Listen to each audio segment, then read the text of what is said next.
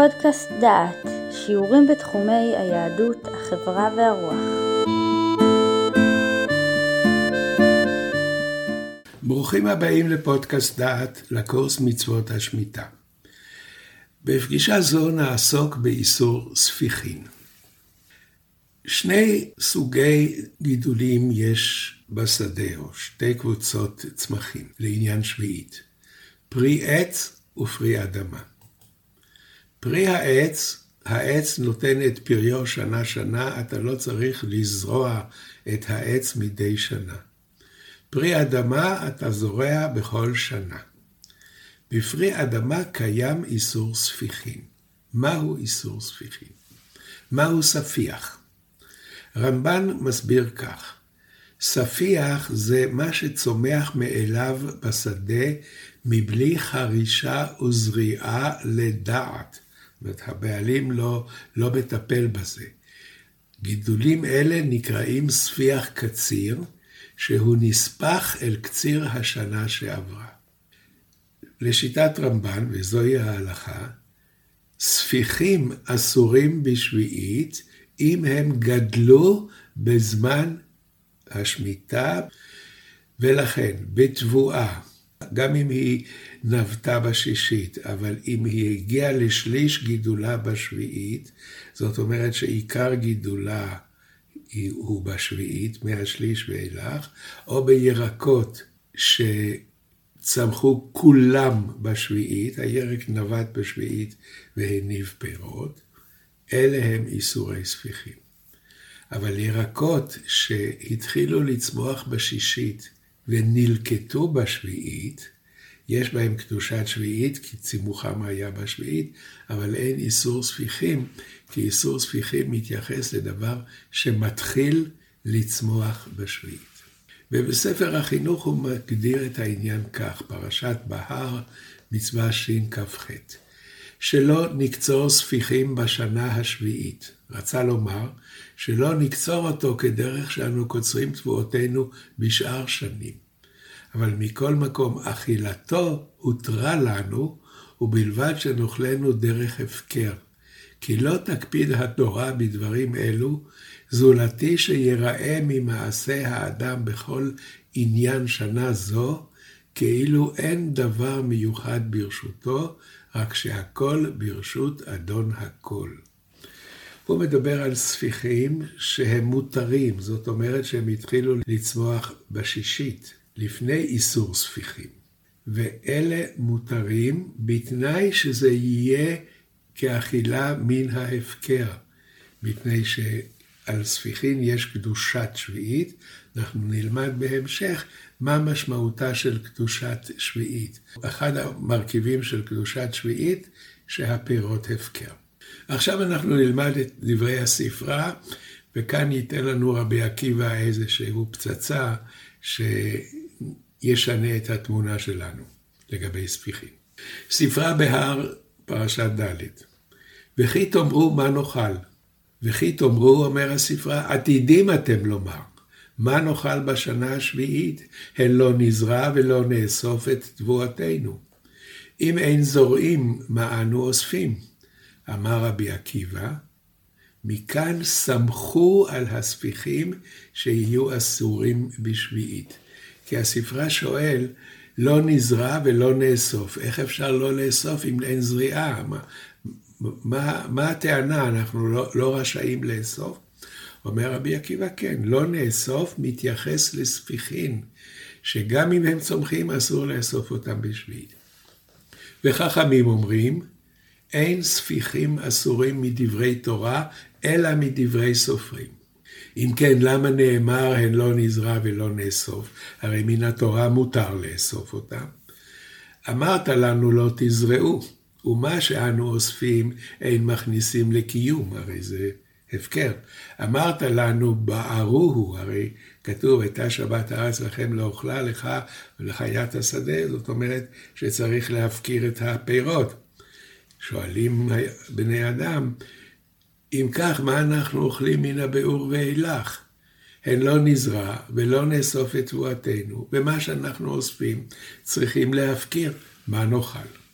רבי שמעון סירלוי פרשן המשנה מפרש כך, במסכת שביעית פרק ט', הוא כותב: משמע מתוך הברייתא שתקנה קדומה בישראל הייתה לאסור ספיחין עוד לפני רבי עקיבא ורבנן, לפני המחלוקת שקראנו. שהרי כתוב, מכאן שמחו לספיחין. משמע שבא רבי עקיבא לתת טעם למנהג שמצא.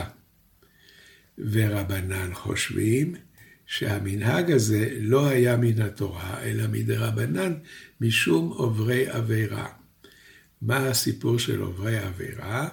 החשש היה שאדם יזרע, יש לו שדה קטנה, הוא יזרע את השדה, בחשיכה, אף אחד לא ידע, פתאום יש צימוח, ויש לו פירות לאכול, יש לו ירקות לאכול, והרי אסור לזרוע בשביעית. כדי שלא יזרעו, נאסר כל מה שהחל את צימוחו בשביעית, זהו איסור ספיחים. רבי שלמה סירילאו היה רבה של ירושלים והוא פירש את התלמוד הירושלמי. הוא עלה בתחילת המאה ה-16 לארץ, היה בצפת. אחר כך עבר לירושלים. והוא כותב במסכת שביעית, פרק ט', הלכה א', משמע מתוך הברייתא שתקנה קדומה בישראל הייתה לאסור ספיחין עוד לפני רבי עקיבא, שכתוב מכאן שמחו לספיחין, כך אומר רבי עקיבא, מכאן שמחו לספיחין. משמע שבא רבי עקיבא לתת טעם למנהג שמצא. ורבנן סבורים שהמנהג היה איסור דה רבנן משום עוברי עבירה. מה פשר המנהג הזה? החשש היה שאדם שיש לו חלקה ליד הבית שהוא מגדל בירקות, והוא יזרע בסתר, בלילה, בחושך, יזרע את החלקה שלו, ופתאום יצוצו בתוך שנת השמיטה ירקות, ויש לו ירקות שהם בעצם גידולי שביעית, שהם אסורים באיסור שדך לא תזרע. לכן אסרו חכמים את כל מה שהחל את צימוחו בשנת השמיטה. ואנחנו עוברים עכשיו לרמב"ן בפרשת בהר. והוא כותב כך: לדברי חכמים אין איסור הספיחים אלא מדבריהם, כלומר שגזרו בהם לאוסרם לגמרי, משום חשד, שלא יזרעו ויאמרו ספיחים הם. ולכך אמרו בירושלמי, וכאן יש לנו משפט מאוד מאוד חשוב שהוא משמעותי לעניין שמירת שמיטה היום. אמר רבי ינאי, כל הספיחים אסורים, חוץ מן העולים בשדה בור, בשדה ניר, בשדה כרם, בשדה זרע. שדה בור זה אדם משאיר את השדה ללא טיפול, כדי שהשדה תנוח. שדה כרם, אדם לא זורע בכרם, מפני שכרם שיש בו כלאיים אסור. שדה זרע, זה שדה שלא מעוניינים בקיום שלו, לא מעוניינים בצימוח שם. אם כן, הוא אומר ככה, כל שדה שאין זורעים בו מרצון, אם מפני שמשאירים אותו בור, או מפני שלא רוצים כי זה יגרום לכלאיים, כל דבר שלא מעוניינים בצימוח בו, שם אין איסור ספיחים.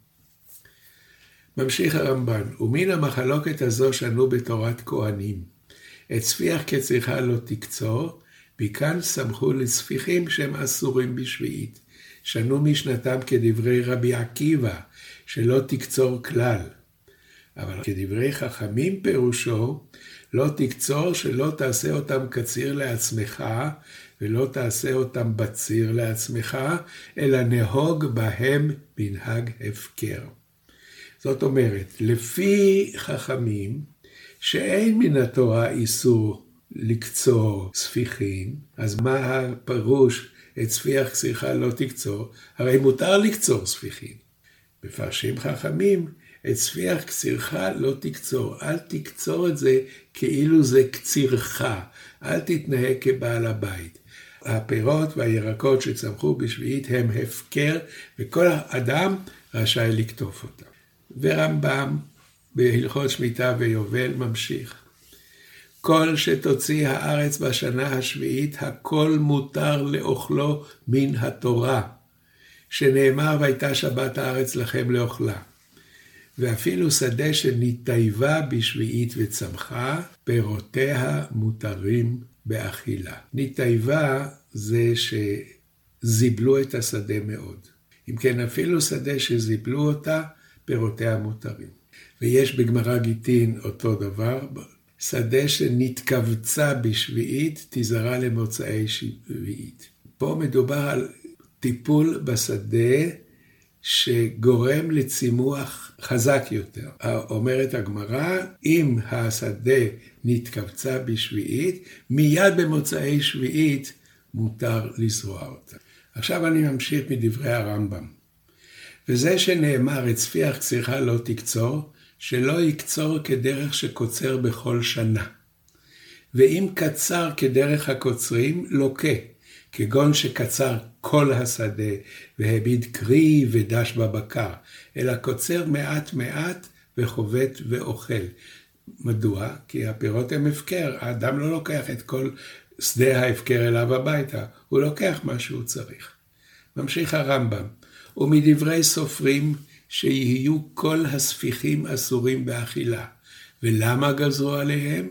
מפני עוברי עבירה. שלא ילך ויזרע תבואה וקטניות וזרעוני גינה בתוך שדהו בסתר, וכשיצמח יאכל מהם ויאמר, ספיחים הן. לפיכך אסרו כל הספיחים הצומחים בשביעית. עכשיו אנחנו עוברים לנושא נוסף, הספיחים אסורים. מה אסור בספיחים האלה? אז בספר שער המלך הוא כותב כך, דע שמה שאסור ספיחים לפי רבי עקיבא, נראה שזה דווקא באכילה, אבל בהנאה הספיחים מותרים. וזה מוכרח, הרי המקרא אומר, מה נאכל בשנה השביעית. זאת אומרת שהבעיה של ספיחין היא אכילתם. והחזון איש כותב באופן ברור, אין ספיחים איסורי הנאה, אלא אסרו אכילתם ושאר תשמישים. היה יהודי בשם הרב יוסף ליברמן, לפני 40 שנה כתב ספר משנת יוסף, ספר חשוב על דיני שביעית, והוא כותב דברים מעניינים אלה, והוא כותב כך: הציב לנו החזון איש כלל, שאומנם אין ספיחין איסורי הנאה, אלא אסרו אכילתם ושאר שימושם. מה זה? כמו שבמיני מאכל אסרו את האכילה, במיני בשמים אסרו להריח אותם, ובפרחים שיש בהם איסור ספיחים אסור ליהנות מיופיים, שהשימוש שלהם הוא כאכילה. זאת אומרת, איסור ספיחין מתייחס לשימוש הראשי של הצמח. צמח שזורעים אותו לאכילה, אסור באכילה. צמח שזורעים אותו כצמח נוי, אסור ליהנות, אם יש בו איסור ספיחים. עכשיו אנחנו מגיעים לאחד האיסורים הקשים והמכבידים של שנת השמיטה. איסור ספיחים ואיך אפשר להתמודד איתו. קראתי לפני כן את דבריו של רבי ינאי, שיש שדות שבהם אין איסור ספיחים, מפני שלא מעוניינים שיצמח בהם הגידול שגדל. נניח שהייתי אומר כך, תזרע בשישית, אל תעשה שום דבר בשביעית, ובשביעית יצמחו הגידולים ויש לך מה לאכול. זה לא מועיל, כי איסור ספיחין אוסר כל דבר שהחל לצמוח בשביעית. לכן צריך למצוא דרך של גידולים שיכולים להתחיל לצמוח בשביעית ואין עליהם איסור ספיחים, או שדות שאין בהם איסור ספיחים. החזון איש לקח את הדברים של רבי ינאי על שדות שאין מעוניינים שיהיה בהם צימוח, והוא מצא דרך לזרוע לפני ראש השנה, והצמחים שינבטו בגשמים של חשוון כסלו, לא יהיה בהם איסור ספיחים. וזהו הרעיון של החזון איש. יש בחקלאות מושג שנקרא מחזור זרעים. מה שקורה הוא זה, אם זורעים באותו השדה שנתיים רצופות אותו גידול, המזיקים והמחלות ועשבי הבר שפוגעים בצמח מתרבים בכמות גדולה מאוד. האדמה מתדלדלת כי כל צמח מוציא מן האדמה חומרי מזון אחרים, וזריעת מין אחד שנתיים רצופות מדלדלת את החומרים הדרושים לאותו צמח. לפני שידעו את התורה הזאת, היו זורעים את השדה שנה אחרי שנה אותו דבר, עד שהשדה מתדלדלת ולא נותנת פרי, ואז היו עוברים לשדה אחר ומניחים את השדה. אחרי שנה או שנתיים שהשדה בר, היא מתחדשת ושוב אפשר לחזור. כשבארצות הברית החלו עם, עם כיבוש השממה שלהם ופנו מערבה ובנו חקלאות חדשה, הם גילו את התופעה הזאת שאחרי זמן מה, אחרי שנתיים או שלוש, השדה פתאום מפסיקה להניב פירות. השיטה של שינוי מחזור זרעים אומרת כך, אם הסדר החקלאי אומר שצריך לזרוע בסדר מסוים, ואתה אינך זורע בסדר הזה, אתה לא עובר על איסור ספיחים. אני עכשיו אתן דוגמה לדברים האלה. בימי הביניים הייתה השיטה לחלק את השדה לשלושה חלקים, וכל שנה משאירים שליש בלתי מעובד. זאת אומרת שאחת לשלוש שנים השדה נחה. השדה נחה, היא מחדשת את כוחה, וכך אפשר להמשיך ולעבד אותה. אלה שעוסקים בטעמי המצוות, אומרים שהשיטה של השמיטה היא בעצם דרך להגן על השדות. זאת אומרת, אגב שמירת שמיטה, השדות מחדשים את כוחם, ולאחר השמיטה יש להם אה, אפשרות לגדל שוב במלוא הכוח. יש לנו כאן דרך לעקוף את איסור ספיחין על ידי כך שלא מגדלים דבר שדרך לגדל אותו. זאת אומרת שאם אתה הולך למדריך חקלאי ואתה אומר לו מה לזרוע בשדה הזה, הוא יגיד לך, השנה השדה הזה צריך קטניות. ואתה אינך זורע קטניות, אלא זורע משהו אחר, אתה בעצם אינך מגדל בשדה דבר שדרך גידולו. לפי רבי ינאי, כל דבר שגדל בשדה שאין דרך לגדלו, אין בו איסור ספיחים. ההמצאה הזאת של החזון איש, להשתמש במחזור זרעים כדרך לעקוף את איסור ספיחים, פתר חלק מן הבעיה. הוא לא פתר את הבעיה של איסור זריעה.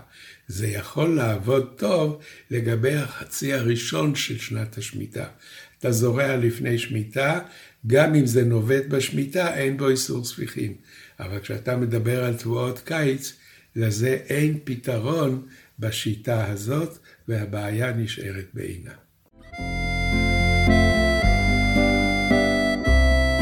שמעתם שיעור מתוך הקורס מצוות השמיטה, מאת פרופסור יהודה אייזנברג. את הקורס המלא וקורסים נוספים תוכלו לשמוע באתר דעת במדור פודקאסט.